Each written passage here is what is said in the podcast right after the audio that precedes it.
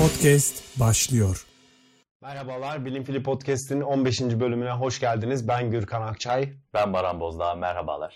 Ee, uzunca bir aradan sonra Baran'cığım yeniden bir podcast yayınına nihayet girebildik. Evet. Son evet. podcast'i Biraz- ne zaman yaptığımızı hatırlıyorsun değil mi? 2019'un ilk yayınını diyorsun. 2019'un ilk yayınıydı.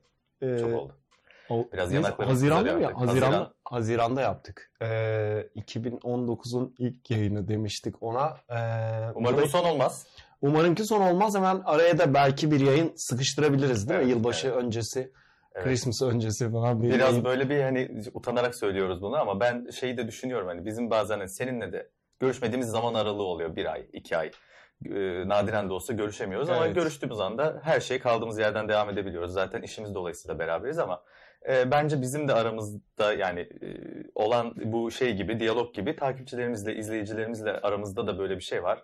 E, haklı olarak istemeseler de ikinci, üçüncü bir yayını yaptığımızda, devam ettiğimizde e, yine aynı o sadık e, kitle bizi izlemeye devam ediyor. Umarım ki sayısı artacaktır. E, gönülden isteriz bunu ama e, bizim için zaten çok kıymetli bir e, topluluk bizi takip etmeye devam ediyor. Ve biz kaldığımız yerden videomuzu çektiğimizde yine aynı sıcak karşılamayla aslında karşılanıyoruz. O e, bence o bozulmuyor. Evet kesinlikle haklısın. Bir de şey de var yani hani e, yayınlara bir hazırlığımız var elbette ki ama mesela buraya geldiğimizde şu ortama girdiğimizde stüdyoya girdiğimizde biz e, rutin akışımızla yani bu anda çıkıyor pek çok şey. Doğru. Çalışılmış değil yani evet. şu an mesela. Evet. O yüzden o da, o da tabii belli oluyordur da şimdi e, konuşmalardan.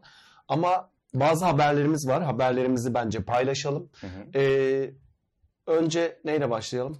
Ee, bir şu mutlu haberi verelim bence. Sun Express ve Pegasus'larda artık Bilim Fili podcastleri e, izleyebileceksiniz yolculuklarınızda.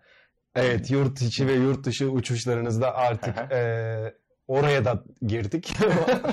E, artık podcastlerimizi e, uçuşlarınız esnasında da izleyebileceksiniz. E, bunun haberini ilk kez buradan paylaşmış olalım. Evet. Ee, 2010, Bu birinci haberimizde 2018'in son yayınında istatistiklerden bahsetmiştik. evet E, bu yayında da küçük bir e, sayısal, nümerik bir bilgi verelim takipçilerimize. E, o zaman e, bir e, şey e, sayıyla işte Türkiye'nin kendi klasmanında e, bilim web siteleri arasında en çok görüntüleme alan web sitesi olarak e, istatistiklerimizi söylemiştik. Bu senede 16 milyonun üzerinde daha tam bir yılı doldurmadık ama 16 milyon e, 290 bin civarı bir e, görüntülemeyle bilim Evet. e, seneyi e, önde götürüyor. güzel götürüyor. Umarız öyle kapatırız. Bir yarış olmamakla birlikte bizi Tabii. çok sevindiren rakamlar olduğunu e, söylemek istedim.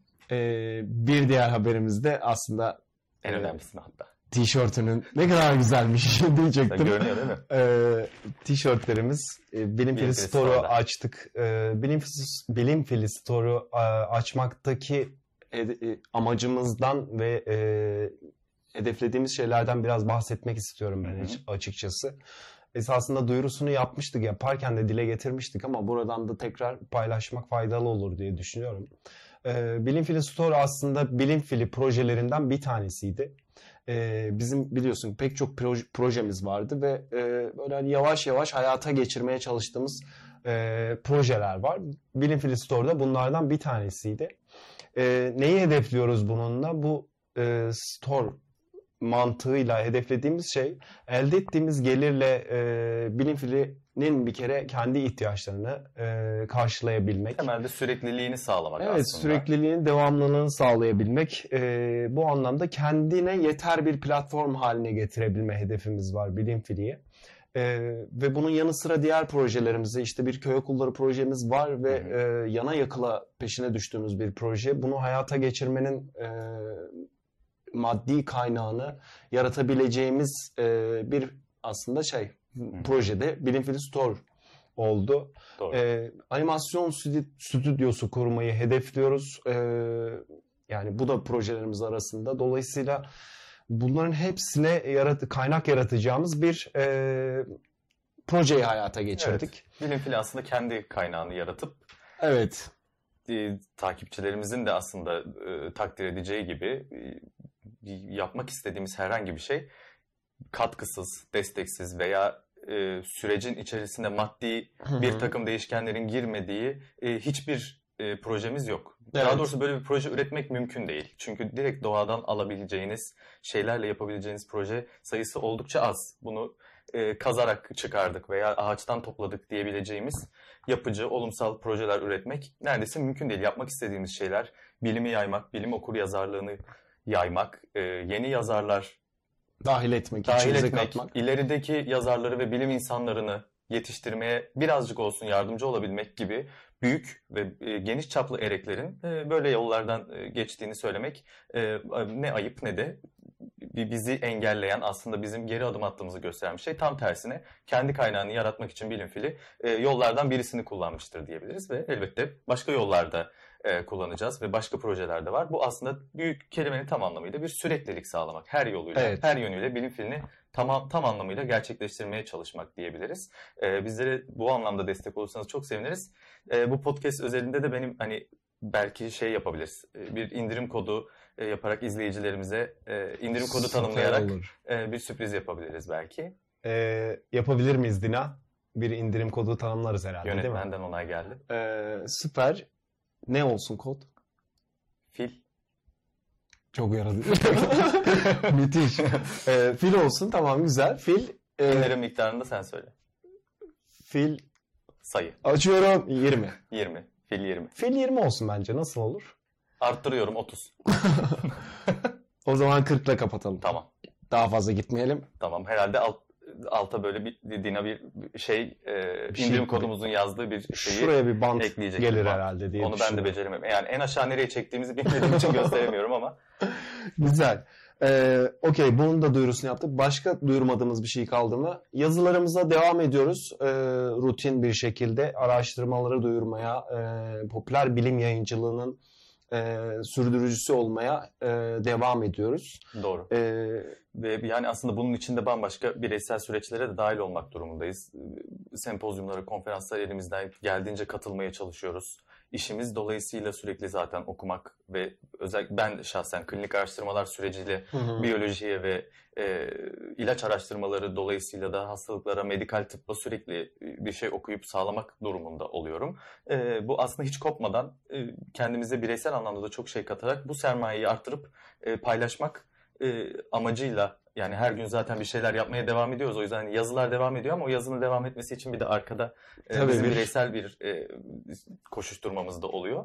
E, bu anlamda hani genel gidişatımız böyle olduğunu zaten biliyor izleyicilerimiz ama e, başka bir duyurumuzun da olmadığını e, söyleyerek, Düşünerekten. düşünerek e, şöyle bir taradım çünkü kafamı. E, konuya artık bugünün Okey. konusuna giriş yapalım yavaş yavaş. Bugünkü konumuza o zaman giriş yapalım dediğin gibi. Ee, neyden bahsedeceğiz bugün? Bugün ben söyleyeyim istersen. Lütfen. Bugün e, şimdi önce sana dile getirip sonra e, şeye Tamam, duyurusunu başlığı açacağım. Şimdi Hı hı. gündelik hayatta biliyorsun ki e, pek çok durumda aslında e, sayısız tartışma içerisine giriyoruz. Hı hı. E, fikir tartışmaları, işte düşünce tartışmaları, argümanlarımızı ileri sürüyoruz. Bir şekilde e, tartışma sonucunda bir sonuca bağlıyoruz meseleyi. Karşı tarafı ikna ediyoruz ya da ikna edemiyoruz gibi. E, ama bu tartışma esnasında esasında kullandığımız e, safsatalar söz konusu. Safsatalar aslında olsun demiştik bugünkü yayınımızın başlığı da. E, safsatalardan bahsedeceğiz. En yaygın safsatalar neler? Esasında bu arada yani e, alabildiğiniz zibilyon tane var saf, safsata. E, bunların böyle daha böyle popüler olanlarına, daha böyle gündelik hayatta hemen Hı hı. karşımıza çıkanlarına değinmekte fayda var diye düşünüyorum. Örneklendirebiliriz böylelikle. Evet, hem- zenginleştirmek açısından. hem örnek vermek hem de işte e, belki o safsataları saptarsak eğer tartışmalar içerisinde, gündelik hayattaki tartışmalar içerisinde ya da işte bilimsel bir tartışma da olabilir bu tartışma. E, o zaman argümanlarımızın e, sağlamlığını hem kendimizi bir sorgulama hem karşı tarafı sorgulama, karşı tarafın argümanlarını sorgulama. Çünkü şöyle, ya bilgi o kadar hızlı ve geniş e, bir kapsama sahip, hızlı yayılıyor ve geniş bir kapsama sahip ki e, herhangi bir şekilde saniyede e, dünya üzerinde e, bilmem ne kadar tweet atılıyormuş. Yani e, milyar e, düzeyinde tweet atılıyormuş. E, çok yüksek sayılar bunlar. Fik yani insanlar bir şekilde düşüncelerini paylaşma ihtiyacı hissediyorlar. Bildiklerini, bilgiyi paylaşma ihtiyacı hissediyorlar ve bunu sosyal medyada bu anlamda güzel bir araç. E, bildiğin üzere. E, ama bu bilgiyi paylaşırken de çoğu zaman e, bir şeyler yapıyoruz. Yani karşı tarafı ikna edecek ama esasında argümanımızın ileri sürdüğümüz argüman tamamen mant mantık e, süzgecinden geçmemiş ya da mantık süzgecine dahil ettiğimizde e, o süzgeci geçemeyen e, argümanlarla karşılaşıyoruz ve bunlar çoğu zaman da hem yanlış bilginin yayılmasına e, ve bu yanlış bilginin bazen çok tehlikeli e, boyutlara varmasına ki şimdi yayın içerisinde örnekler vereceğiz. E, bahsedeceğimiz bir yayın olacak. Ee, sen konuya giriş yapmadan önce sözü sana devredeceğim ama işin bir de tam da e, tanımı itibariyle e, topluma olan etkisinin bir saptamasını yapmak istiyorum aslında. Gözlemlediğim kadarıyla ve aslında bu e, bir takım bilgiye çok kolay e, ulaştığını düşünen ve kolay ulaştığı için de doğru olduğunu e, varsayan birbiri ardına kesilmeyen yanılsamalar silsilesi gibi devam eden ve bu bu yanılsamaları benimsemiş toplumların bir özelliğinden bahsetmek istiyorum. Bence bu basit ve kolay elde edilebilir bilgi, doğruluğu saptanmamış bilgi hı hı. toplumda bir banalleşme, bunu kolay elde etmenin getirdiği bir banalleşmeyi beraberinde getiriyor. Ee, senin söylediğin anlamda belki bu tehlikeli olmayabilir, banalleşme bir normalizasyon yaratabilir toplumda. Bunun tespitini yapmak tabii ki bize düşmez ama e, bir taraftan da senin söylediğin kelimenin tam karşılığı olsun diye söylüyorum. Tehlikesi nerede? Bana sorarsan tehlikesi bu yanlış bilgilerin basit ve küçük, etkisiz gibi görünen örneğin aynı yere iki kere yıldırım düşmez. Yani e, sanki bir kanadı varmış gibi. E, bunun üzerine atasözlerin gelişmesi. Şimdi bunun bir safsataya dönüşmesinin tehlikesini söylemek istiyorum. Bu bir yanılsama yaratabilir. Yani delusion dediğimiz. E, yanılsama yaratıldığı andan itibaren dünyayı artık o yanlış bilgi perdesinin arkasından görme gibi bir sorun oluyor toplumda. Ve bu toplumsal bir sorun. Bireysel olmaktan öte toplumsal bir sorun. Çünkü yayılmış oluyor. Artık bir toplum bir olaya buzlu bir camın arkasından bakar gibi oluyor. Yanlış bir bilginin, delusion'a dönüşmüş bir yanlış bilginin e, etkisi bu kadar tehlikeli olabilir aslında demek istedim. Çünkü o buzlu camın arkasında bir karartı var ama o ne? Yani aslında gerçek olan şey ne? E, bilmiyorsunuz ama o yap, istediğiniz yaftayı yapıştırıp benzettiğiniz her şeyi olduğunu düşünebilirsiniz. E, yorum farkları girebilir ve o yanılsamanın aslında e, bilimsel olarak kanıtlanan, bulunan, e, çalışmalara dahil edilen, argümanlarla, teorilerle desteklenen bütün o kavramsal yapısını bozmuş oluyor. E, tehlikesi bence aslında e, burada bir ilerleyişe ket vurmak, e, vurulmasına sebep oluyor. Aslında e, dediğin gibi şimdi kelimenin kökeni itibariyle de ele aldığımızda 5. yüzyılda antik Yunan'da ortaya çıkmış bir e, kelime. Hı hı. Ve Türkçe yani laf ebesi anlamına gelen sofist e, kelimesinden türetilmiş ve işte Orta Çağ'da bu e, Arapçaya geçmiş. Oradan da dilimize e, geçmiş safsatı olarak. Şimdi e, hani doğru bilginin yoktur ifadesi biraz önce bir şey söyledin ya sen hani kişisel bir yorumlama ifadesini ortaya çıkarıyor aslında. Yani mantığını yaklaşımını ortaya çıkıyor. Gerçekten de kelimenin kökeni itibariyle baktığımızda şimdi Antik Yunan'daki o e, milattan önceki 5. E, 5. yüzyılda falan e, işte demokrasinin çok üst düzeye çıktığı bir dönem var aslında ve o dönemde e, devlet kademelerinde yükselmek e, Sadece kahramanlıkla, zenginlikle böyle e, yeterli bulunmayan bir aslında şey donanım. E, dolayısıyla da iyi bir hitabet de söz konusu olması lazım. Retorik. İyi, retorik işin içerisine giriyor burada.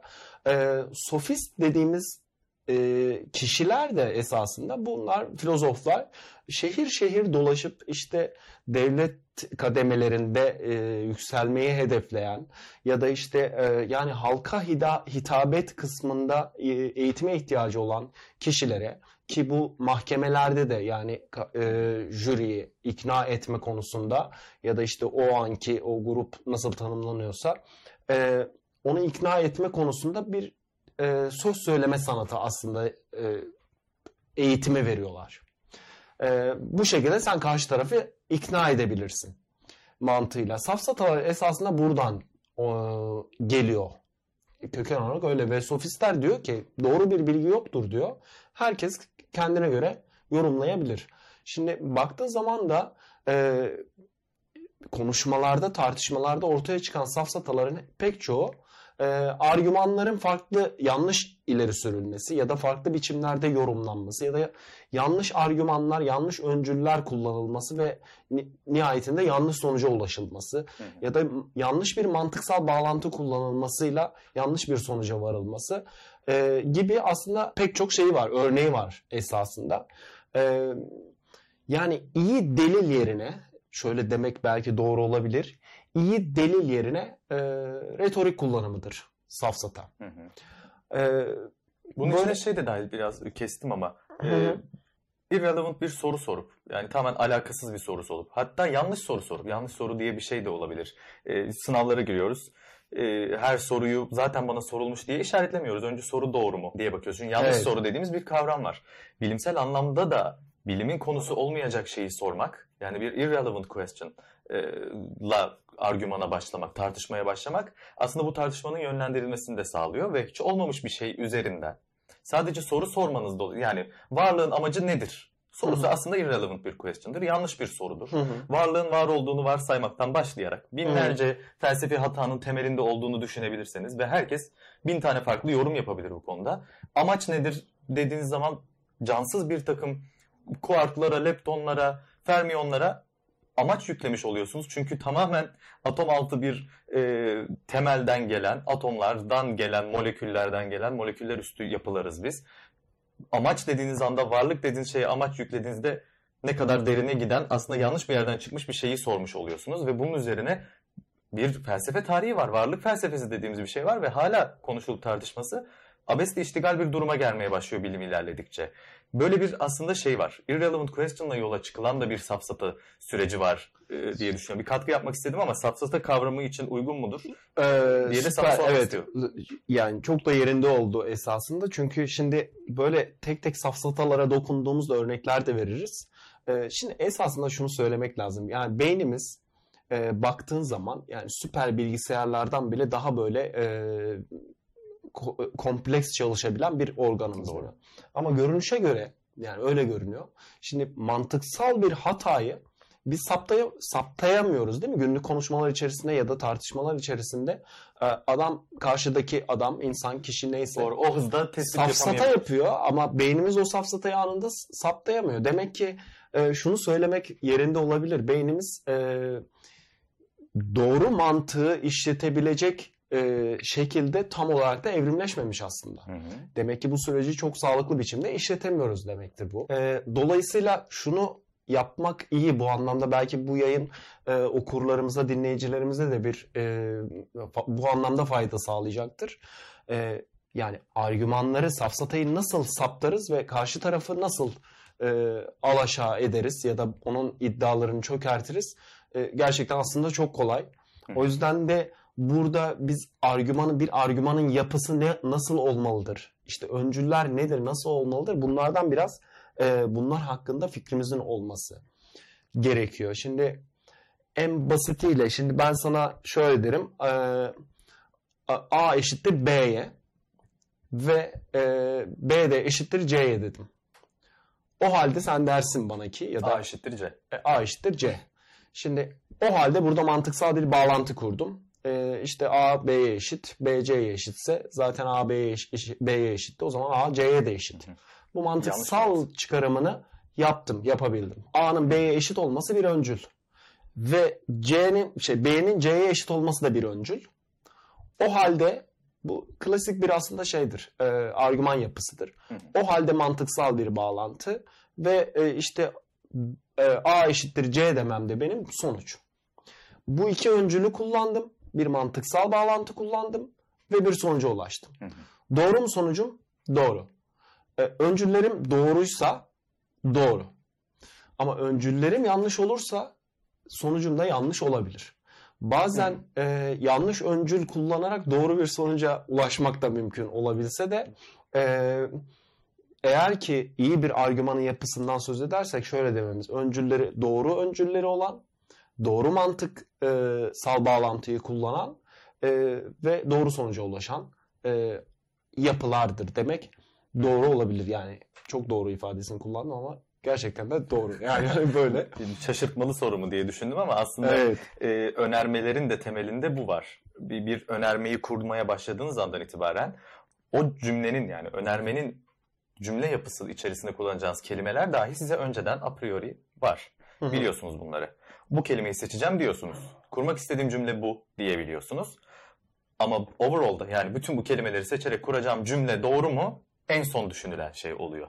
Bu anlamda hani önerme dediğimiz şeyin matematiksel, fiziksel ve bilimsel olarak geçerli, relevant, doğru olduğunu belirleyecek şey temelde bizde seçeceğimiz kelimelerle başlıyor ve o konuyla ne kadar ilintili onun e, sağlamasını yapmakla başlıyor. Bu anlamda tamamen yanlış bir noktadan yola çıkıyor olsanız da doğru kelimeleri seçerek, önermeyi doğru kurarak ve içine giren e, o terimleri ne diyelim onlara değişkenleri doğru seçerek aslında doğru bir sonuca varmanız mümkünmüş gibi bir görüntü oluşuyor. Bu aslında karşı tarafı ikna etmek için e, ve sizin argümanınızın doğru olduğunu düşündürmek için oldukça e, doğ- Kullanışlı bir- kullanışlı bir yöntem gibi geliyor ama beraberinde safsataları getiriyor. İşte bu e, şunun da bir belirtisi oluyor. Meta naratif, meta narasyon dediğimiz anlatının anlatı. üst anlatı, üst anlatı bir sanat ve işte avukatlar belki e, yer yer kullanıyor. Bel- Belgesel anlatıcıları o sırada söylemek istediği şey veya dikkati çekmek istediği kısma dikkati çekmek için iyi anlatıcının kullandığı tekniklerden birisi olarak üst anlatı sanatı var.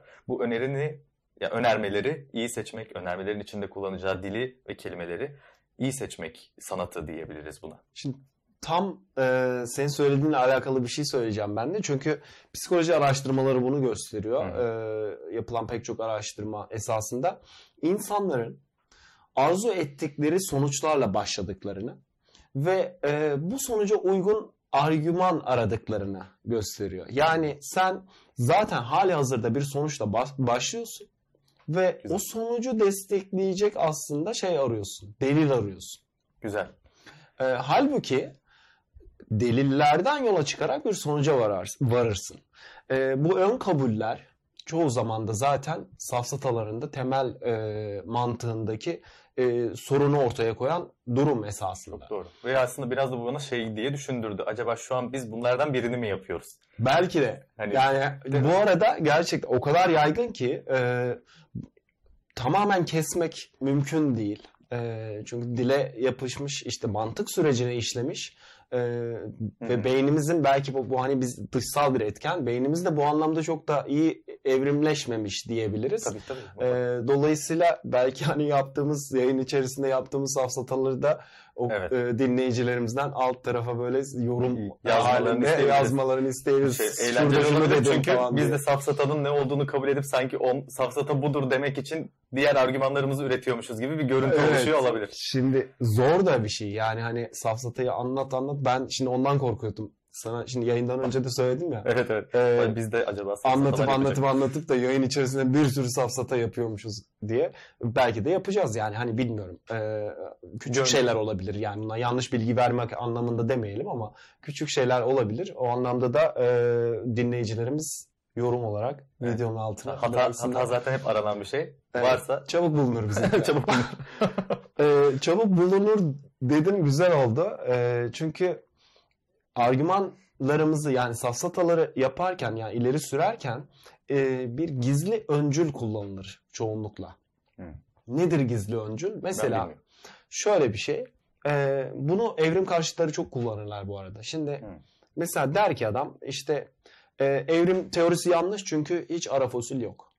Hmm, şey, öncülü ara fosilin olmadığını kabul etmek. Şimdi evet. Yanlış öncül, Ama anladım. bunu şimdi dile getirmiyor bu adam. Şöyle ki e, hiç ara fosil yok diyor. Halbuki bir sürü ara fosil var. Yani bir sürü araştırma var ve bir sürü araştırma sonucunda paleontologların da ortaya koyduğu bir sürü de ara fosil var yani. Hmm. Müzelerin depoları Ama- dolu yani. İddiasını ileri süren kişi e, ara fosil yok derken seninle yani bilimsel anlamdaki bir ara fosil tanımlamasını yapmıyor. Onun başka Aynı bir ara fosil tanımı var. O Hmm. diyor ki işte e, işte maymundan insana geçiş diye hayal ediyor. İşte yarı kuyruklu olan bir şey yok diyor ya da e, canlı yok diyor. İşte maymun tam maymun insan arası bir şey yok. Yok. E, yani Timsah balina arası bir şey olsun. Evet. Gibi hani. Evet. ya bir şey arıyor. E, satir arıyor. E, işte mitolojide satir denen yarı hayvan yarı insan işte kafası işte maymun vücudu insan olsun gibi. E, halbuki yanlış bir tanım tanımlama yapıyor. Bunu belki kötü niyetle yapıyor olabilir. E, Bilmediği için yapıyor. belki bilmediği için Bir de hani yanlış öncülün o zaman sebeplerini Gizli öncül. konuş- özür dilerim. Gizli öncülün sebeplerini e, konuşuyoruz. E, Bu şey de olabilir. Gerçekten bir bilgi eksiği de olabilir. Şöyle ki mesela aklıma bu geldi. Doğru Bilgi mu diye sen teyit tabii et ki. lütfen. E, Hı. bu sadece bir teori diye bir hani tırnak içerisinde Hı. sık kullanılan bir Hı. şey var ya. Evet. Bir, bir söz öbeği var. Bu sa- böyle böyle bir şey var ama sadece bir teori. Teorinin sadece bir teori demeye uygun olan anlamını bilmekten kaynaklanan bir safsatadır diyebilir miyiz? Yani bu bir aslında gizli öncüldür. Evet. Bu gizli evet. öncülü kullanıyor ve diğer anlamını bilmiyor teorinin. Doğru. orada Oxford sözlüğünde ikinci anlamı var. O ikinci anlamını bilmiyor ve doğal olarak bu gizli öncülden yola çıkarak her bilimsel şeye, her bilimsel teoriye, Big Bang, Big Bang teorisi ama bu sadece bir teori. Teori. E, Evet. Kaç kere kanıtlanmış veya kaç kere deliller gösterilmiş, araştırmaları bulunan şey olmasıyla ilgilenmiyor. Teori ise sadece bir teoridir. İşte gibi. yani e, bir gerekçe de esasında yani bu gizli öncül gerek e, durumunu ortaya çıkaran şeylerden bir tanesi de e, yani konu hakkında bilgisizlik, cahillik esasında. Yani evet dediğin şeyde örnekte çok var yani hala e, yas, yasayla e, bilimsel yasayla teori arasındaki farkı da kavrayamayan, anlamayan, bilmeyen e, bir sürü de insan var. Burada da şöyle bir Bu- safsata yapmış olabiliriz biz. Hani cehalet dediğimiz şey hani cahillik ya bu. Hani Evet. tırnak içerisinde belki de o cahil olduğunu bilmemesinden. Yani cahillik sorun değil burada. Evet. Kendisinin cahil olduğunu farkında olmaması sorunmuş gibi geliyor bana. Evet. cahil olduğunu farkında değil ve ben teori kavramına çok hakimim. O yüzden buna sadece bir teori diyebilirim diyen bir insan aslında bizi de o safsatanın, safsatanın içine çekiyor. bir silsile kara delik gibi bir şey abi. Abi, gerçekten de öyle. Ee, yani saptamak çok zor bu arada. Evet. Yani biraz böyle e, Algılarım açıldı abi. ko- İnanılmaz şu ko- anda. konuyla ilgili. Ya zaten şimdi yayının sonunda sen buradan böyle uyanık hale geçeceksin. İşte öyle. öyle bir hedefimiz var. Ee, şaka bir yana ama e, gerçekten de saptaması çok zor. Çünkü çok fazla çeşit var bu arada ve belirsizlik çok fazla var. Ve e, yani her an bir safsata ben sana bir şey söylerim derim ki yeni bir safsata bile türetebilirim yani. Hmm, evet. Mesela son zamanlarda Anladım. çok yaygın DDA safsatası var mesela. Ben de bunu çok yapıyorum mesela. Sen de yapıyorsun değil mi? Ee, işte adamın fikri çok adam dedim. İnsanın fikri. ee, Önemli.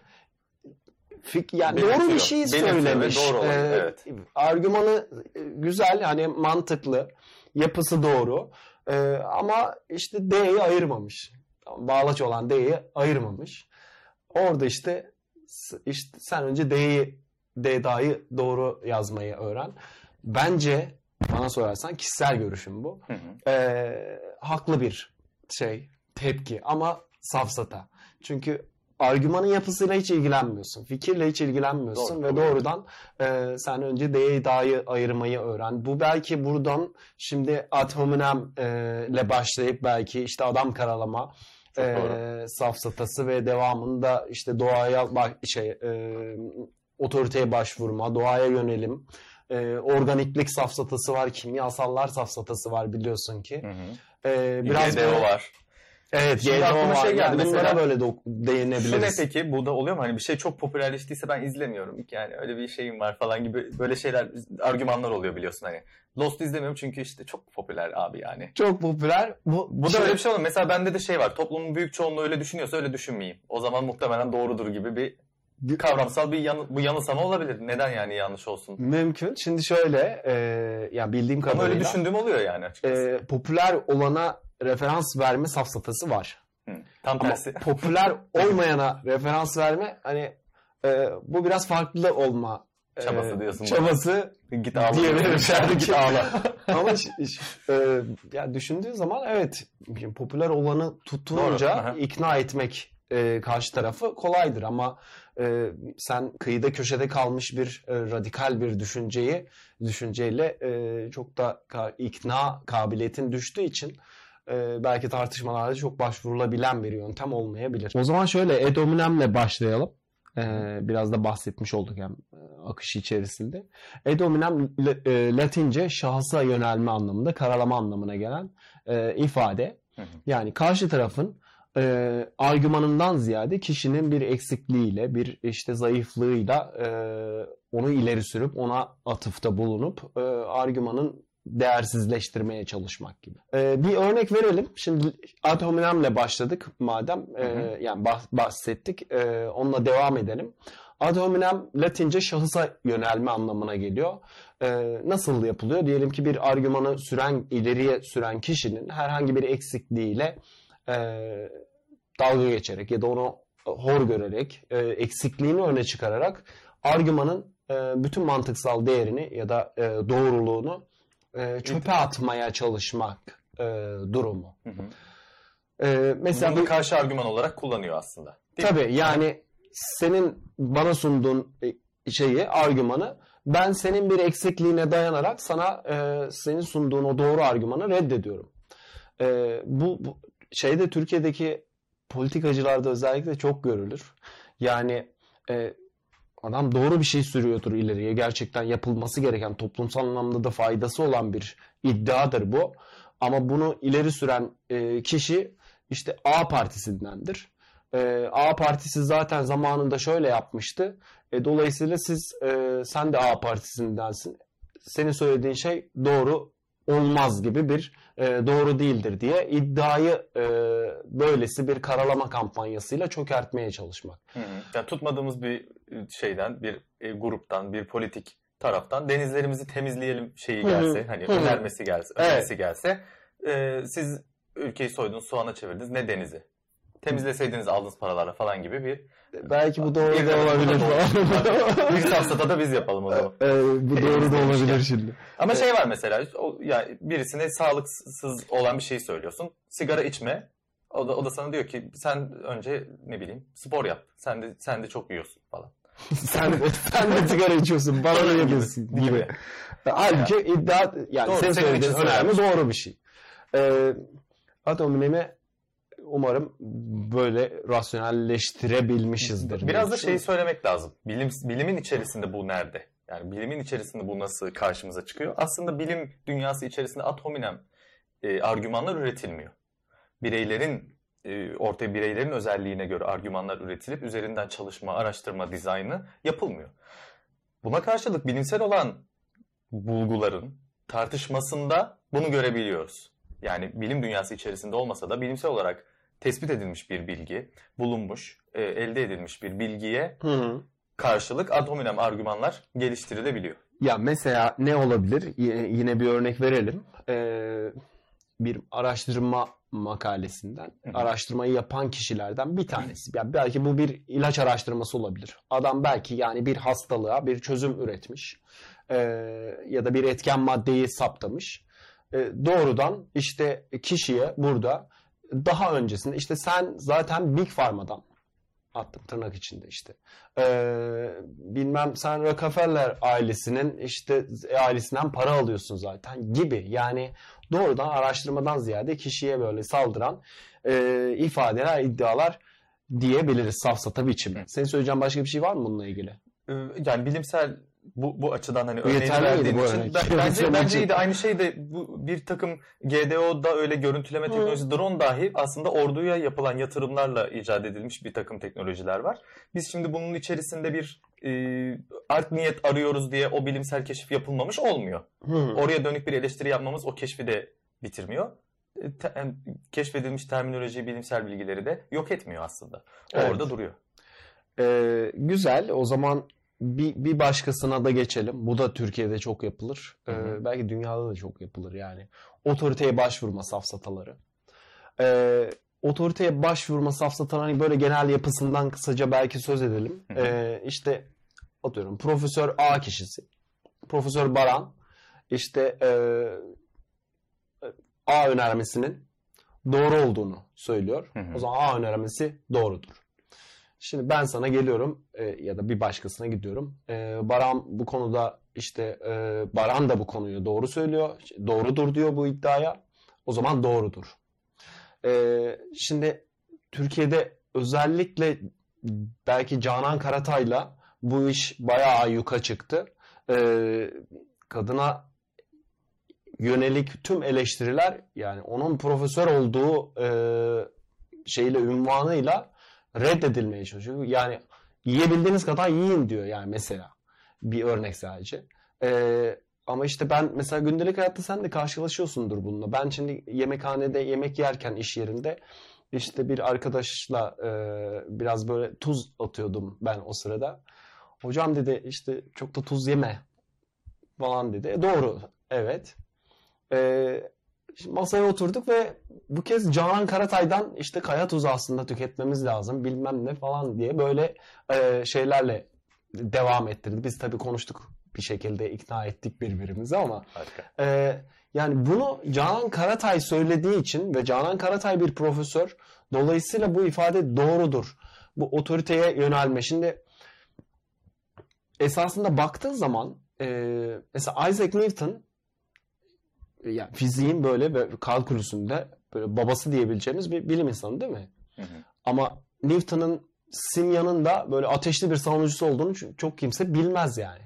Ee, Newton'a göre mesela o zamanki e, düşüncesiyle e, işte değersiz bazı doğadaki bazı elementleri çeşitli yani belirli bazı kimyasallarla tepkimeye sokarsak altın gibi daha değerli kimyasallar elde ederiz şey e, metaller elde ederiz gibi bir yaklaşımı vardı mesela. Şimdi e, Isaac Newton'dan daha otorite bir şey ben bir yani olamaz herhalde diye düşünüyorum. Bugün yaşasaydı hala aynı şeyi savunur muydu bilmiyoruz ama evet, o günün e, dünyası için. Evet bugün savunuyor olsaydı muhtemelen biz ne derdik? E, Isaac Newton için işte bu sahte bilim derdik muhtemelen. Hı hı.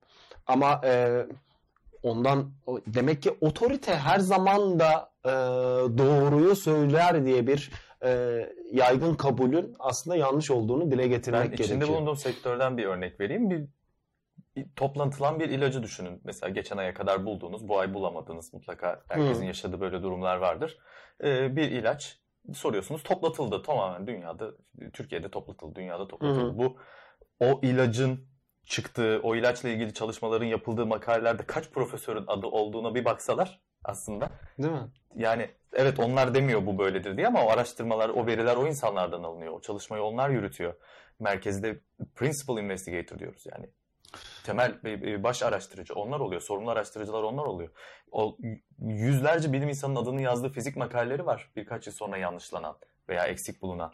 Otorite olarak belirlememizi sağlayacak öncülleri burada belirlemek lazım. Belki otorite başlı başına bir safsatadır. Şunu Neden olmaz? Şunu belki tabii buradan bayağı açtın. Evet. Ee, şunu belki söylemek gerekir ya. Yani e, biz de mesela ben şey diyoruz değil mi yazılarımızda falan da bunu kullanıyoruz. Gündelik ifadelerimizde de kullanıyoruz. İşte e, binlerce kez test edildi bilimsel çalışmalarda binlerce kez bilim insanları binlerce kez test etti ve böyle bir ilişkinin böyle bir şeyin olmadığı ortaya koyuldu. Şimdi bizim orada verdiğimiz referans bilim insanları değil yani. Ee, evet. Onlar o insanların birebir kendileri değil. Biz orada test araştırmaları referans veriyoruz. Çok Testleri doğru. referans veriyoruz.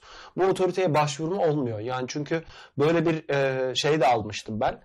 O zaman bu da otoriteye başvurma değil mi arkadaşım diye. E, yok. Hayır değil. Biz orada kişileri değil, Profesör A kişisi, B kişisi, C kişisi değil. Oradaki yönteme sen referans veriyorsun. Yöntem doğru mu? Uygulanmış mı? Her yerde uygulanmış ve aynı sonuçlar elde edilmiş mi? Okey o zaman e, burada bir sorun yok. Burada ben safsata yapmıyorum ya da Güzel böyle bir, bir iddiayla çıkan kişi Biraz orada belki safsata yapmıyor. Makalelerin doğasını bilmemekten, klinik Tabii. olması yani sadece klinik araştırmaları dahil ederek söylemiyorum. Bir bilimsel çalışmanın e, nasıl okunması gerektiğini bilmemekten kaynaklı bir eksiklik de olabilir bu. Her çalışmanın e, okurların bildiği üzere bir discussion, tartışma Hı-hı. bölümü olur. Burada human error temelli olmak üzere, insan hatalarının temelli olmak üzere doğal bir takım değişkenlerinde hesaba katılmış, katılamamış veya bilerek katılmamış değişkenlerin e, hesabı yapılır. Hı-hı. Tahliller yapılır, tahayyüller yapılıp bundan dolayı böyle çıkmış olabilir gibi şeyler de oluyor. Doğal olarak biz referansı verirken discussion'la birlikte result'a yani tartışmayla birlikte sonuca referans vermiş oluyoruz aslında. Onu referans almış oluyoruz daha doğrusu. Bu anlamda e, o argümanın da böyle bir e, altyapısı olabilir. Evet. Böyle bir eksiklikten geliyor olabilir. Evet. Otoriteye başvurma safsatasını da örneklendirdikten sonra başka bir tanesinden bahsetmek istiyorum ben ki bence e, en böyle etkililerinden bir tanesi de bu. E, iknada çok güçlü bir yapısı olduğu için. Belki yani bu bizim e, ilkel ve ani tepkilerimizden kaynaklı da belki çabucak kabul edebildiğimiz, etkilendiğimiz bir iddia biçimi. Yeterince merak uyandırdım. ben de uyandırdım. ben de şu an ne söyleyeceğim merak ettim. Duygulara yönelim safsatası. Ha, harika. Çok etkili. Evet. Ee, yani hatta öyle etkili ki çoğunlukla istatistiklerin falan filan böyle önüne geçiyor. Abi sen karşı tarafa istatistik dahi sunsan, veri sunsan dahi e, duygulara yapacağın bir atıf, duygulara yapacağın bir hedefleme e, anında o bütün gerçekliği kenara itip e, ilkel dürtülerle hareket etme güdüsünü ortaya çıkarabiliyor. Hmm. Hatta öyle ki e, 2016 yılında bu safsatanın e, Trump'a büyük oy kazandırdı. ABD seçimleri öncesi Trump'a büyük oy kazandırdığını Hmm. dahi e, söyleniyor. E, işte belki hatırlarsın CNN'de işte bir tartışma yapılıyor. O, o ünlü tartışma. E, rakibi de bu arada e, bir pediatri e, cerrahı Ben Carson.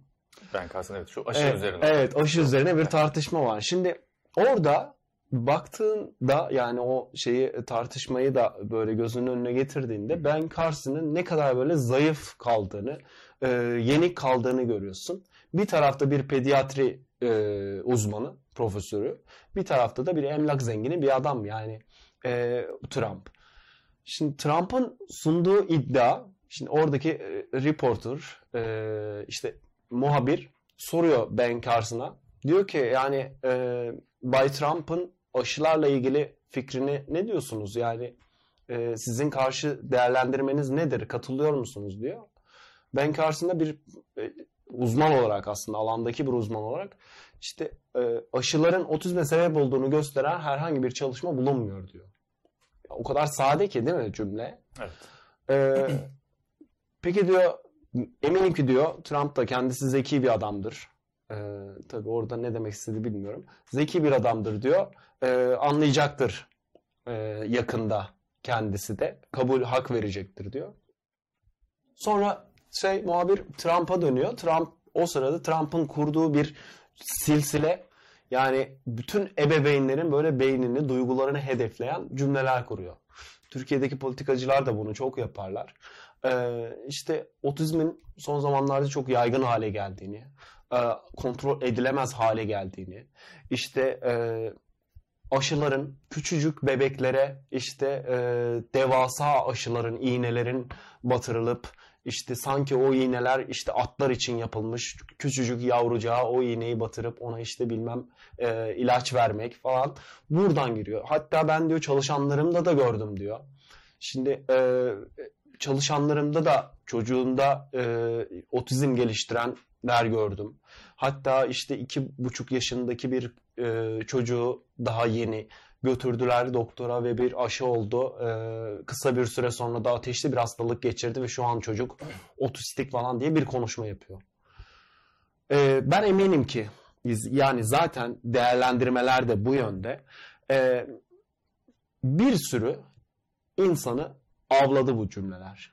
Değil mi? Bir sürü anne babayı avladı. Yani bir tarafta araştırmaların böyle bir sonucu e, ortaya çıkardığını söyleyeyim yani yok çıkarmıyor diyen e, Ben Carson bir tarafta da e, yani çocuğa iğne iğne ne kadar büyük olabilir ki yani bebeğe ama abartmayı görüyorsun değil mi? Duygulara vuruyor habire. E, ve büyük bir aşı karşıtlığı da onunla birlikte e, şu an yürüyor hala. Evet. Evet. Ee, yani çok etkili. İstatistiklerin, araştırmaların hepsinin önüne geçebilecek kadar güçlü, e, ilkel bir tepkiyi aslında tetikliyor değil mi? Ee, anne çocuk arasındaki, ebeveyn çocuk arasındaki o ilkel bağı, e, ilkel e, bağlanmayı tetikleyerek, o bağa vurarak e, seni Tamamen bilimsel olan bir Kendisini- argümanın yok sayılmasını Evet. sağlıyor. Bir taraftan burada şey de vardır diye tahmin ediyorum. Ee, bir yürütme yaptığım zaman belki de insanlar şu ana kadar böyle bir çalışma yok ama ileride olmayacağını gösteren bir şey de yok düşüncesine sürekli sahip oluyorlar. Bilimden haberdar oldukça böyle bir şey de gelişiyor. Çünkü dün dediğimizi yarın yanlışlamak e, bilimde en çok yaptığımız şey ve yapmamız gereken şey. İşleyişi buna götürüyor bilimi. e, bir taraftan da buna sürekli şahit olan e, toplum aslında böyle bir düşünce de geliştirmiş olabilir. Şu an için Trump'ın dediğini düşünmek ve yavruma aşı yaptırmamak ileride böyle bir şey bulunma ihtimaline karşı benim şu an yavruma iğne yapılmamasını sağlayacak en azından belki de o risk assessment'ı yapıp hani çok kısa vadede çocuğum 6 aylık 2-2,5 yaşına kadar 2-2,5 yıllık o risk değerlendirmesini yapıp o zaman yaptırmayayım şimdilik bu kadarlık bir riski almış olayım hastalık riskini e, diye dedirtebiliyor insanlara. Dediğin gibi risk değerlendirme rasyonel bir süreç, mantıklı bir süreç, bir mantık süzgecinden geçmesi gerekiyor. Ama önceden etkilenmiş duygular mantık süzgecinin önüne ket vurup bu az önce benim de e, aslında yayının başında söylediğim o buzlu camın arkasından olaya bakmaya sebep oluyor ve bir delusion yaratıyor. Evet. Tafsatanın da tam anlamıyla tanımı böyle. Tabii ifadesi bu. oluyor. Şimdi Türkiye'de de şimdi e, bayağı yaygın. Yazarlar arasında, politikacılarda da çok yaygın da. Şimdi yazarlar arasında demeyeyim. Şimdi Soner Yalçın mesela bir Kara Kutu diye bir kitap çıkardı. Hı E, kitapta hem tıp dünyasından doktorların çok eleştirisini alıyor. E, araştırmacıların, bilim insanlarının aslında eleştirisini alan bir kitap. Çünkü baktığın zaman da iddialara falan komple böyle e, komplolar üzerinde şekillendirilmiş kabullerden ki hatırlıyorsun bir önceki yayınlarda da aşı meselesinde yine değinmiştik ama e, işte bu saklı seçilmişler, Big Pharma, işte ilaç şirketleri, Hı hı. ilaç sanayi. Evet yani kapitalizm e, iyi bir şeydir demiyoruz ama bu kadar komplocu bir yaklaşımla da bir e, Gerçek resim kayboluyor. Gerçeği Evet. görememeye başlıyorsun. Şimdi sen mesela bir kitabındaki bir örnekte şey veriyor. Ee, yine o da mesela duygulara çok atıfta bulunur. Ee, ebeveynleri çok hedefler. Ee, aşılar üzerinden, ilaçlar üzerinden. Bir tanesinde de işte mesela diyor ki e, penisilinle ilgili bir örnek veriyor mesela. İşte e, penisilin üretildikten sonra e, işte ba- ba- bazı hastalıklar daha da yaygın olmaya başlandı ve bu hastalıklar e, hatta Van Gogh'un çalışmalarında falan dahi e, resimlerine dahi yansımıştır. Şimdi ilk etapta senin buradan aldığın tepki ne? Şunu anlıyorsun. E, penisilin tehlikelisi var yani diye bir mesaj alıyorsun değil mi? Halbuki referansa bakıyorsun. O Van Gogh. Van Gogh'u da tanıyorum, biliyorum. Resimleri var. E, penisilin bir anda bildiğim bir ilaç. İşte e, antibiyotik. Halbuki e, penisilin üretildiğinde 20. yüzyılda üretilmiş. Evet. Yani Van Gogh 19. yüzyılda adam resimlerini yapıyormuş. Yani- Yani, e, bu ikisi arasında ama bu işe yaradı mı bu bağlantı? Bu safsata biçimi, duyguları hedef alan bu safsata biçimi işe yaradı mı? Bugün kitabına hala e, sevgiyle e, benimseyen bir grup da var. Aa, anlaşılmaz bir biçimde. Bir de televizyona çıkarılıp ben bunu da mesela anlamıyorum. Programlara çıkarılıyor ve e, karşısına bir tane de doktor çıkarılmıyor mesela. Bir Hı. bilim insanı, bir araştırmacı bu alanda uzman bir araştırmacıyı çıkarmıyorlar. Bunu da anlamıyorum. Tabii bu TV reytingleriyle muhtemelen ilişkili bir şey bir yandan da. Ben şahsen de o konuya hani şöyle bakıyorum. Çok şahsi görüşlerimizi konuştuğumuz bir yer değil burası biliyorum ama çıkmamasını ben tercih ediyorum. O adamın gerçekten tartışacak bir şeyi varmış gibi davranmak da e, belki bilim dünyası için daha zararlı. Sen bizim tartışacağımız kişi sensin dememeliyiz. Belki onun karşısına onun yeterliğinde bir yazar. Çünkü Mark Twain'in miydi? Belki e, izleyicilerimiz beni düzeltebilirler. E, yetersiz birisiyle, e, cahil birisiyle tartışmayın. Çünkü o sizi kendi seviyesine çeker ve siz alışık olmadığınız o seviyede e, tartışmayı kazanmanız mümkün değil. Sizi yener. Yani kendi seviyesine çekip sizi yener. E, bu anlamda bilim, belki o söylediğin Trump'ın örneği bunun daha iyi bir karşılığı oluyor ama bilim karşısında tartışmacı olarak neyi almalı sorusunu benim kafamda ortaya çıkarıyor. E, ve ben diyorum ki tartışılmaması daha iyi. Yani Ya ben ben de- öğrenilme topluma etkisi anlamında hiçbir şey söylemiyorum. Çok haklısın. Tartışılmalı ve bir uzman buna karşı çıkmalı ama e, bilimsel olarak biz bu adamla bunu tartışmaya geldik denmemeli. Belki onun platformu farklı olmalı. Bu belki dediğin gibi e, bu işte Trump Carson örneğine e, dönersek oradaki belki hatayı ortaya çıkarabilir. Doğru. İşte e, bunu işte tartışabilecek belki popüler bir dille tartışılması lazım çünkü. E, bunu yapabilecek bir uzmanın çıkarılması, uzmanın konuşması lazım. Yani sıradan bir işte ama şöyle bir araştırma var. İşte ama şöyle bir araştırma. Şöyle istatistikler şunu söylüyor.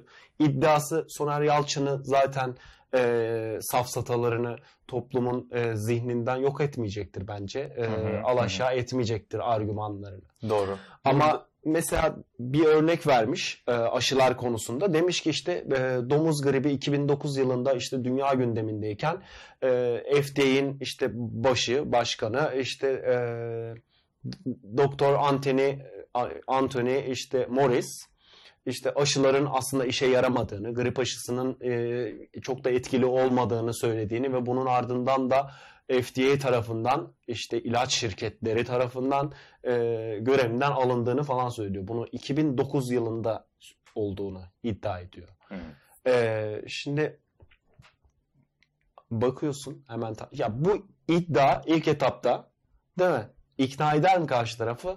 İşte tarih vermiş. Ondan Allah, sonra evet. kişi vermiş. FDA doğru. FDA başkanı. Ee, Okey iddialar bayağı argümanlar güçlü gibi gözüküyor. Evet. Bayağı mesai istiyor ama yanlışla bak. Tıpkı, o, bakacaksın tıpkı o Van Gogh örneğinde olduğu gibi ama bir bakıyorsun e, 1976'da adam görevden alınmış. E, bu söylemleri yüzünden. FDA'nin bu arada yeni kurulduğu dönemde böyle bir başkanı vardı. Bu e, sonradan işte görevden alınıyor. Gerçekten de böyle bir cümlesi, ifadesi varmış baktım ben. E, ama bambaşka bir şeyden tarihleme yanlış. Ee, nasıl duygulara vuruyor peki?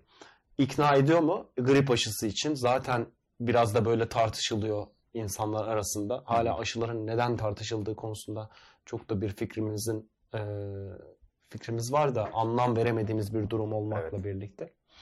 E, aşılar konusunda da böyle bir e, yanılgıları çokça kitabında çok fazla var. Hı. E, ortaya çıkardığını söyleyebiliriz. Ben de burada e, bir referans yapmak istiyorum. Christopher Hitchens e, referansla bir şey söyleyeceğim. O, o birisinden alıntı mı yapmıştı, kendisi mi söylemişti? Tam hatırlamıyorum. Belki David Hume referansı olabilir. Şöyle diyor, delilsiz söylenen, ortaya atılan, claim edilen her şey delilsiz çürütülebilir. Delilsiz söylenen her şeyi delilsiz çürütebilirsin. Bu kadar basit. Yani bir tartışma böyle başladıysa eğer e, çok alakasız bir şey söylüyorsan sen de o kadar alakasız bir şey söyleyip babaannem söylemişti deyip tartışmayı kazanabilirsin bu mantıkla. Çünkü eğer ortaya bir delil sunarak e, bir delil koyarak bu gerçeklik vardır. Çünkü şu kitapta yazdığı için değil. Safsatana safsata. Evet, saf, evet. O zaman safsataya karşı safsata her zaman e, o yani aslında o biraz önce söylediğim o tartışmayı o seviyede yürütmekten bahsediyorum. E, delilsiz söylenen her Deliye şeyi vurmak. delilsiz e, çürütebilirsin o zaman. Karşı tarafta çürütüldüğünü kabul etmiyorsa aynı sürece dahil olmuş Zaten olursun. şimdi şöyle e, mesela o en başta ifade ettiğimiz gizli öncül kullanılan tartışmalarda hı hı. E, tartışmayı karşı tarafı ikna etmek ve tartışmayı bir nihayete erdirmek falan imkansız yani. İmkansız evet. Özellikle de işte yaratılış, yaratılışçılarla yapılan tartışmaların e, yapılmaması gereken tartışmaların belki de başında. E, nihayete erdirilememesinin sonucu bu. Kişinin e, gizli bir öncülü var. İşte kutsal kitap var. Olabilir. İşte e, bir tanrı var, bir şey var yani senin asla böyle e, yanlışlığını yanlışlayamadığında e, bir şey var. Dolayısıyla hani nihayete de erdirilemiyor çoğunlukla. Doğru. Zaten de olayın çıkış yeri burası. Oraya da hiç girmemek lazım. Zaten evet, gerek yok. Yani evet. E, aşı konusu da öyle. Yani e, çok tehlikeli boyutlara varmış durumda. Ee, Tabii Sağlık Bakanlığı bile yani artık sayıları açık bile demeyeyim de yani Sağlık Bakanlığı da açıklama yaptı. Yani evet. e, korkunç rakamlara ulaşmış durumda. E, 11 bin, 16 binken şu an 20 binlerden, 21 binlerden söz ediliyor. Yani hı hı, aşıyı reddeden yaptırmayan aile sayısı. Yani suçunu tabii tek adama yüklemek değil burada amacımız yani bir, bir kişi üzerinden de bu tartışmayı, diyaloğu yürütmek, e, devam ettirmeye gerek yok. Ama dünya genelinde olduğu gibi Türkiye'de dünyadaki bu şeyden, trendten çok hızlı etkilenen e, bir ülke oldu. Kendisi de zaten e, sözünü kestim de kendisi de zaten baktığın zaman iddialarına e, dünyadan etkilenmiş ve kimden? Amerika'dan çok etkilenmiş. Yani bu anlamda 5 e, yıl 10 yıl öncesinin Amerika'da yaygın olan fikirleri e, direct translation'la ve çoğu zaman da bu arada kitabında çok fazla da şey var. Yani e, plagiarizm var. E, intihal sorunu da var. E, yani doğrudan oradan fikirleri alıp e, Türkiye'de popüler hale getirme gibi de bir e, Misyon. kötü bir amaç. Bilmiyorum bu komploculuk. e, kötü bir Ucunda komploculuk. sağlık olan bir konuyla ilgili hani bu kanser konusunda konuşmuştuk. Bu kadar rahat konuşamıyor Konuş- olmak konu- lazım Çok rahatsız olmuştuk hatırlıyorsun. Evet. Yani ben ben şahsen işte moleküler biyoloji mezunuyum. Kanser fizyoloji gibi dersler aldım. Kanserle ilgili okumak durumundayım. Zaten klinik araştırma sektöründeyim. Söyleyeceğim birçok şeyden o kadar çok korktum ve çekindim ki çünkü o kadar bilmiyoruz ki durumu. Evet. Yani bilmediğimiz şey o kadar çok ki bildiklerimize yetmiyor ve onların içinden seçip bir Yani şey bir- söylemek çok ve o gün konuştuğumuz safsatalardan birisi de oydu yani kansere çare bulunmuş ama söylenmiyormuş e, çıktığı e, bizim gerçi birçok podcast'imizde böyle safsatalardan çok bahsettik uzun yaşam bunlardan birisiydi telomer, Telomer vardı muhabbet. falan E, bu onlardan birisi ama ne kadar çekinerek söylemiştik E, dediğim gibi hani tek adamı yüklemek değil derdim ama e, konu sağlık olunca 3 4 5.yi düşünmek Bir endişe duymak lazım Evet. değil mi? Ciddi konu. Evet. Ee, son bir tane daha ben söylemek istiyorum. Sonra Safsata. sen, evet. Hı hı, tabii. Ee, çok da uzatmayalım artık. Do- Sonra toparlarız. Peki. Çok mu uzattık bilmiyorum artık da. Gerekiyor. Ee, konu ciddi konu. Ne- ama E, bir, de, bir de o kadar şey yaptık. konu. Ee, uzun zaman sonra yeni bir Sohbeti de yayını. özlemişiz, gibi bir Özlemişiz durum da değil oluyor mi? değil mi? Çözüldün sen de bayağı gelince buraya. Hı. Ee, son olarak işte doğaya yönelim safsatasından da biraz bahsettikten sonra e, sana vereceğim. Senin de söyleyeceğim birkaç bir şey var. Hı hı, paslaşırız. bunu da yine paslaşarak ilerletelim. Tamam. Ee, şimdi bildiğin üzere herhangi bir sıradan bir süpermarkete falan da girdiğinde artık değil mi hemen bir standla karşılaşıyorsun. Organik standı ya da işte e, doğal ürünler standı. E, sanki diğer ürünler e, doğal değilmiş gibi. Buradaki bu doğal kelimesi e, pazara e, rahat bir şekilde girmiş durumda ve çok fazla da belki şey var, tüketicisi var değil mi? Evet. Ya markaların yani isim seçiminde dahi etkili. Evet, doğallık kelimesi. Hı. Burada belki şunu yapmak lazım. Yani bu safsataya başvuran, vurulduğunu sezdiğimizde e, şunu sormak e, kullanışlıdır karşı tarafa. Doğalla neyi tanımladığını öğrenmek lazım. Yani değil mi? Arsenik de doğal.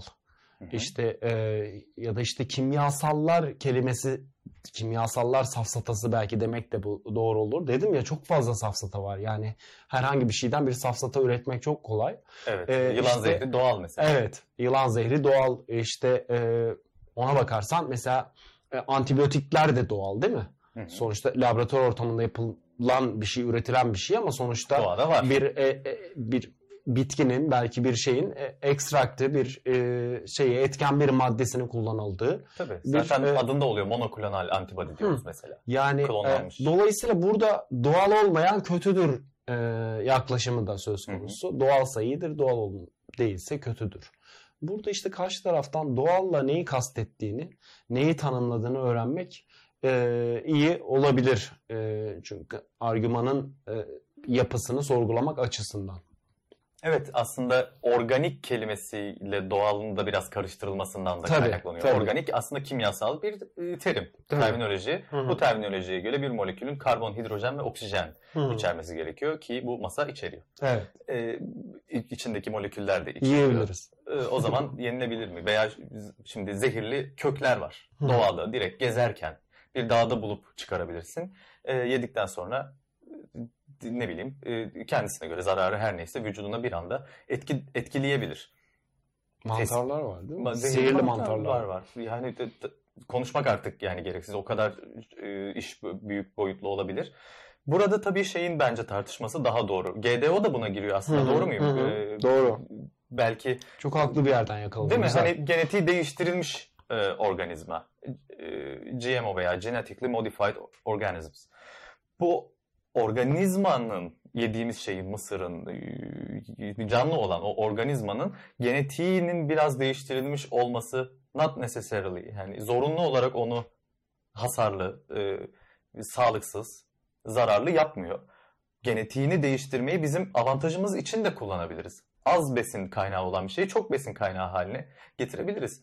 E, bulundurmayacağı bir takım mineralleri daha kolay kökten emmesini sağlayabiliriz genetiğini değiştirerek. Evet, e, belli hormonları fazla üretmesini sağlayıp hızlı büyümesini sağlayabileceğimiz gibi, için içine sağlıksız bir takım unsurların gelebileceği gibi tam tersi içinde kullanmak mümkün. Bunu sadece o tanım itibariyle zorunlu olarak zararlıdır demek ve artık bu işin bir de politik bir takım şeyleri e, ortaya çıkmaya başladı. Özellikle de 45-50 yaş üstü bireylerden duyduğum için yani şahsen bunları duyduğum için bu eleştiriyi yapıyorum. Ee, İsrail bunları yaparak işte Türk toplumunun kontrol altına almaya çalışıyor. Çünkü onların genetiğini değiştiriyor. Biz de onu en çok domates yediğimiz için onlar da domatesi değiştiriyor. Oradan da işte bak işte bizi buradan götürecekler falan. Bir takım işte bu aslında ilk başta söylediğim banalleşme buydu. Bilimin kendisine ve doğasına yeterli saygıyı duymadan, bu yeterli öğrenme mesaisini harcamadan, bu emeği harcamadan hazır bilgiyi bu şekilde alıp toplumsal olarak bu banalleşmeye dahil oluyoruz. O sıradanlaşmaya ve bir, bir taraftan da sığ bakış açısını e, kabullenip hayatımızdaki diğer değişkenleri buna göre belirliyoruz. Yani organiği yersem o zaman İsrail beni yönetememiş olura kadar evet. gelir bu mantık. E, abesle iştigal bile demek yerinde olur. Yani şeyle e, o GDO meselesine güzel değindi. Onu ben de söylemek istiyorum bir şeyler. e, şimdi GDO deyince insanların kafasında hep kötü senaryolar var ya. İsmen de değiş, değiştirilmiş, artık. genetiği değiştirilmiş. Yani doğal olan bir şey değiştirilmiş aslında burada. Sen doğaya müdahale etmişsin algısı var. Halbuki e, çok güzel, çok doğru örnekleri de var değil mi? İnsülin nasıl üretildi? İnsülin bir bakterinin e, genetiği değiştirilerek üretildi değil mi? İnsülin eğer üretilmemiş olsaydı e, bugün pek çok insan e, aşı dediğin şey nedir mesela? E, yani hayatta temel, kalamayacaktı evet, belki. Yani, genetiğini değiştire değiştire yaptığımız bir sürü tıbbi uygulama var yani. Evet. Şimdi şunu da tabii söyleyelim. Yani evet bu GDO dediğimiz proses, süreç e, kötü anlamda da kullanılabilir. Kötü amaçlar uğruna da kullanılabilir. Evet. Ama bir şey GDO oluysa kötüdür etiketini yapıştırmak e, işte doğal değil o zaman kötüdür etiketini yapıştırmak gibi bir şey. Ee, aynı süreç. Hiçbir bir, anlamı bir de yok. aslında seçici olarak da değiştiriyoruz bir şeyleri. Yani doğada yetişmiş ilk orijinal marulu Tabii. Kim yerdi acaba diye bir soruyor bugün hep e, Dina da oradan bakıyor. Muzdan. Hadi muzdan bahsetmiştik. Muzun orijinal halini pek yiyecek adam ben tanımıyorum. Böyle daha işte yastıcı, yeşile evet. kayan, e, şey biraz daha böyle koyu renkli, içini böyle kestiğinde daha sert, daha susuz, e, lifleri daha sert falan bir meyve. Ama onu seçere seçe, seçe seçe işte onun tarımını yaparak ve içinden en şeker oranını arttırarak daha tatlıları diğerleriyle çiftleyerek e, bu çaprazlama yani standart gendel şimdi gendel meneti diyorum. Mendel genetiğiyle dilediğimiz tüketilebilir formatta e, besini zaten üretiyorduk. Yani tarım toplumuna geçtiğimizden beri bunu yapıyoruz. Seçerek yapıyoruz. Köpeklerde yaptığımız gibi. Seçe seçe kullanıyoruz. Ee, bir taraftan da bunu yenilebilir, tüket, tüketilebilir hale getiriyoruz. Ticari bir tarafı olduğu gibi insan ihtiyacını da karşılayan. Daha çok şekerliyse doğada bunu toplayıp yediğinde daha ileriye göç edebiliyorsun. İnsanın yani, göç, meka- göç yolaklarını bir gün konuşuruz. Hani o yol boyunca insanlar aslında ne yiyerek göç ediyorlar? Nasıl yapıyorlar bunu? Temel günlük enerjini bulmadan, bu ağaçtan yeterli şekeri toplamadan daha ileriye gitme riskini almazsın ki. Kabileni oraya konuşlandırırsın. Aslında evrimimizin temelinde bu değişim, e, doğadan besini seçerek yeme zaten var. Şimdi bunu daha akıllı yapıyoruz aslında. Burada da gene GDO'yu övmek değil niyetim. Sadece o ayrımı yapmak için doğru unsurlarımı, doğru parametrelerimi devreye sokuyoruz. Doğru mantık süzgecinden geçiriyor, geçiriyor muyuz? muyuz? Soru işaretini yaratmak istedim e, dinleyicilerimizin de kafasında nacizane. E, o yüzden bu örneği verdim. Çok güzel oldu. Ee, bu mesele belki ya GDO meselesi de bir yandan da şey e, social scientific issue dediğimiz işte o ilk podcast'imizde de hatırlıyorsan bahsettiğimiz Tabii. meselelerden bir tanesi. Yani bir yanı toplumda bir yanı işte bilimde ve tartışmalı konular. Evet. Ee, o notların duruyordur senin şurada bir yerde. Evet. ee, çok da böyle hani üzerine belki uzunca yayınlar yapılması gereken bir mesele. Doğru, çok doğru. Şu alanda da araştırmalar hala sürüyor. Ee, dolayısıyla ki ama şunu yapmamak, argüman üretirken en azından işte e, GDO'lu deyip bir şeyi e, kötülememek, e, doğal deyip bir şeyi iyilememek. Şu an ürettim bu kelimeyi. Olsun bence güzel oldu. İyilememek diye. E, bunu yapmamak e, doğru olan. Doğru. E, mantıksal e, olan da bu. E, diyelim ve ben bir senin söyleyeceğim evet. birkaç bir şey var. Bir şey söyleyeceğim. E, yayından önce bir şeyler konuştuk ya e, içeride. Sen bahsettin. Onlardan ben anlatmak istiyorum aslında. Çevremde de çokça duyuyorum.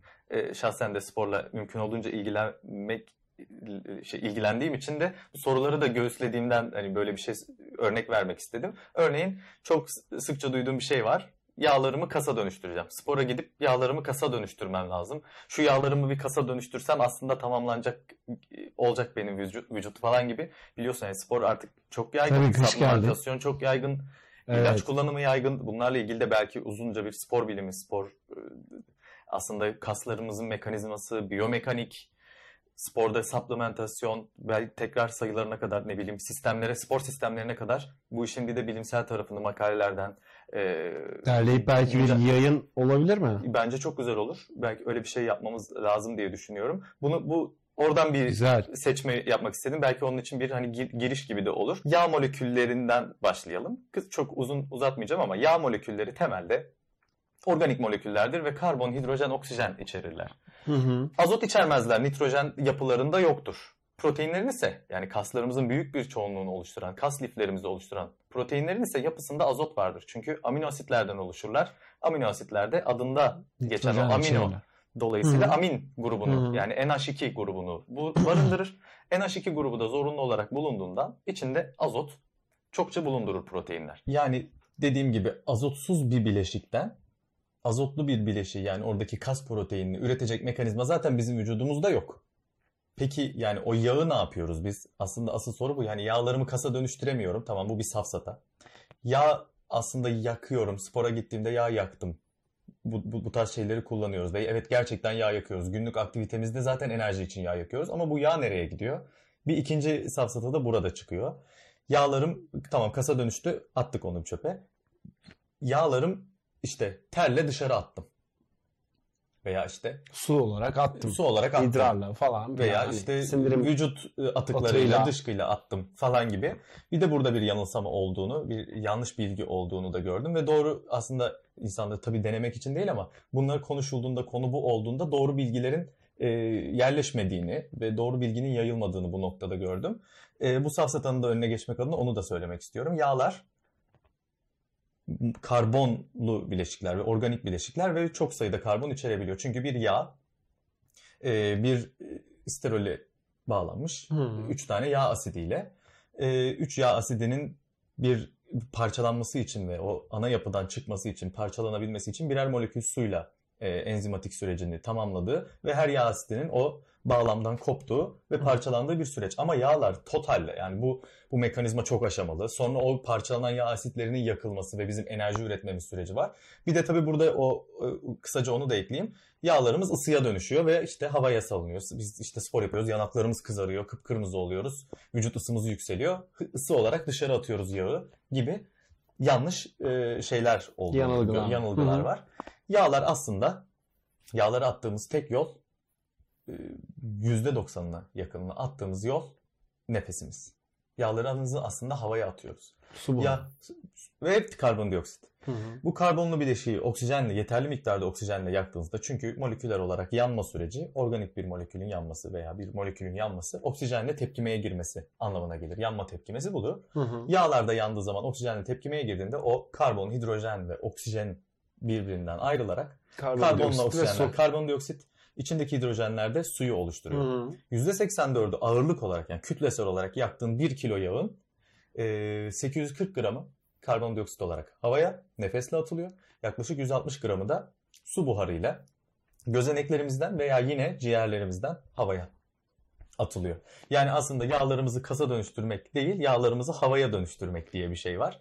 Ve havaya atarak o kiloyu e, kaybediyoruz. Yani kilo kaybının, weight loss'un mekanizması aslında süreç olarak bu. Sadece bir konuda bile bir safsatanın nasıl yayıldığını çok basit bir şey olabilir. Mutlaka ki bilenler, daha iyi bilenler var. Ama e, bir safsatanın nasıl yayıldığını ve bu yanılsamanın insanların belki e, çok yüksek paralar verip supplementler kullanması, spor besin destekleri kullanması, spor salonlarına büyük paralar yatırması ve yanlış beklentilerin içinde olması ve bu beklentilerin başka anksiyeteler, depresyonlar, depresif durumlar e, yaratmasının ve bu kadar basit bir yanlış bilgiden, e, temel biyolojideki bir bilgi eksikliğinden kaynaklandığını göstermek açısından bu örneği verdim ama Çok güzel oldu. konuştuğumuz gibi bu da böyle bir hani ileride yapacağımız belki bir spor bilimi podcast'ine bir girişte Aslında olmuş olur. Bence de güzel olur. Hı. Ee, çünkü hani böyle sorular da bu arada bana gerçekten geliyor. Hem Instagram üzerinden gönderiyorlar. Bana da. Ee, Evet, evet. Sana da geliyordur muhtemelen.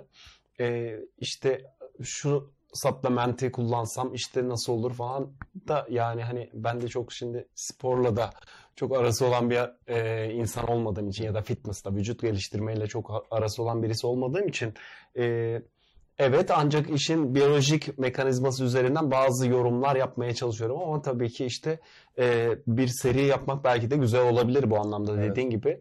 Sen bir de hani e, işle ilgilenen de üzerine duran da birisi olarak e, okumaya çalışıyorum. O güzel olabilir. Yayılıyor ve ben de çok soru alıyorum. Spor yaptığımız alanda da e, çok konuşuyoruz, sohbetler ediyoruz. Başka insanların tecrübelerinden, bilgilerinden de faydalanmaya çalışıyorum profesyonellerin. Ee, Süper. Çok öyle bir yanlış bilginin yayıldığı çok konu var. Sarmlar, steroidler, e, steroid prekürsörleri yani steroid yapı taşları ile ilgili, antrenman sistemi ile ilgili, antrenman çeşitleriyle ilgili, spor geçmişleriyle ilgili. Supplementler zaten aşmış durumda. Herkes her şeyi kullanıyor. Supplementasyonla ilgili.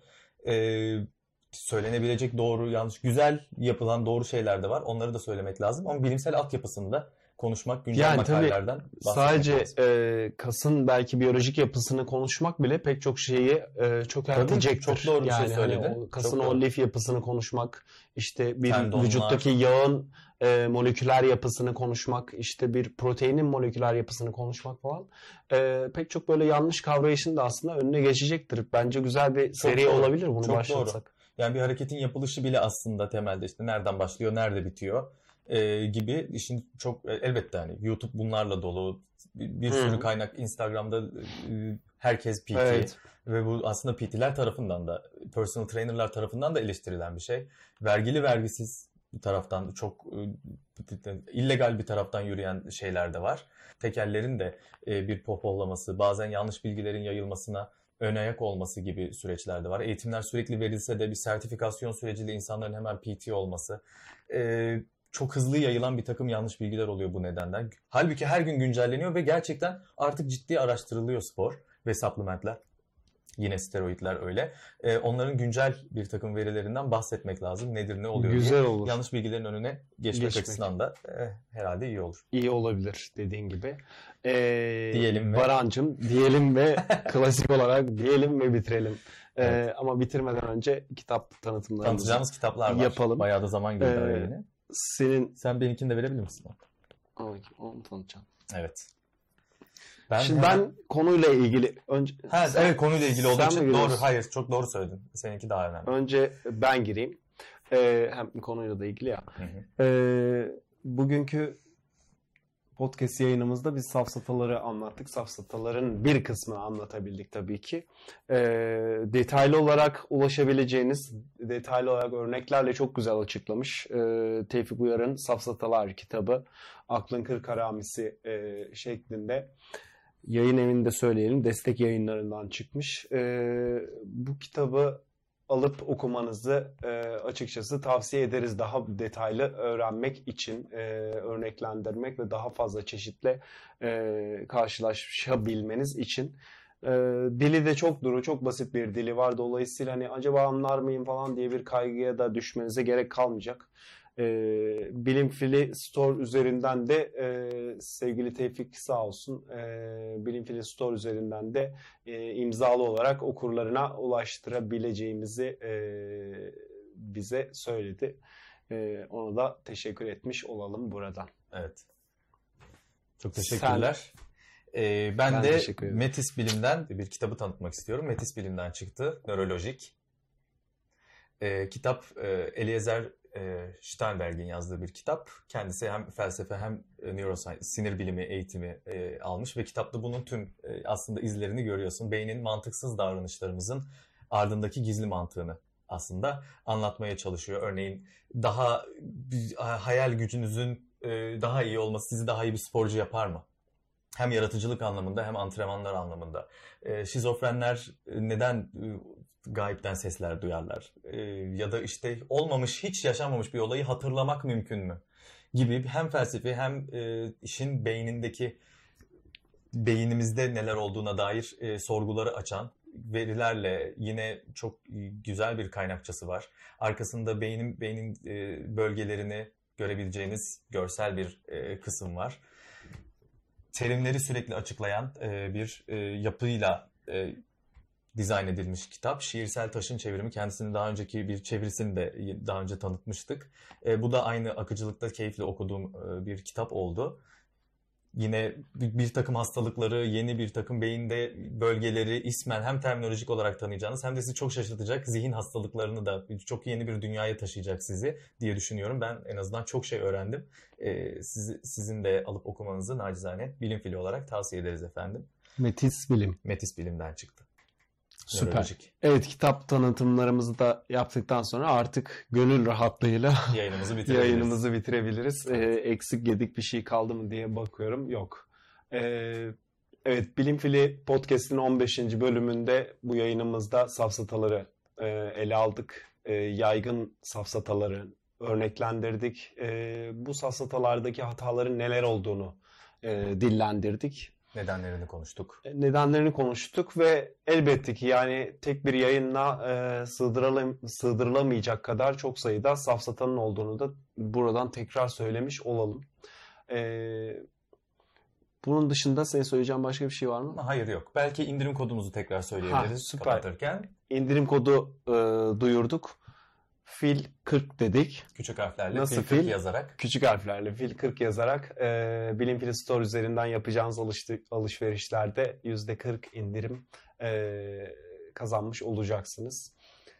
E, Bilim Fili projelerinde bizlere destek olmak isterseniz yine aynı şekilde daha önceki yayınlarımızdan da hatırladığınız üzere Patreon üzerinden e, www.patreon.com slash bilimfili hesabı üzerinden bizlere aylık ya da tek seferlik olarak e, bağışta bulunabilirsiniz.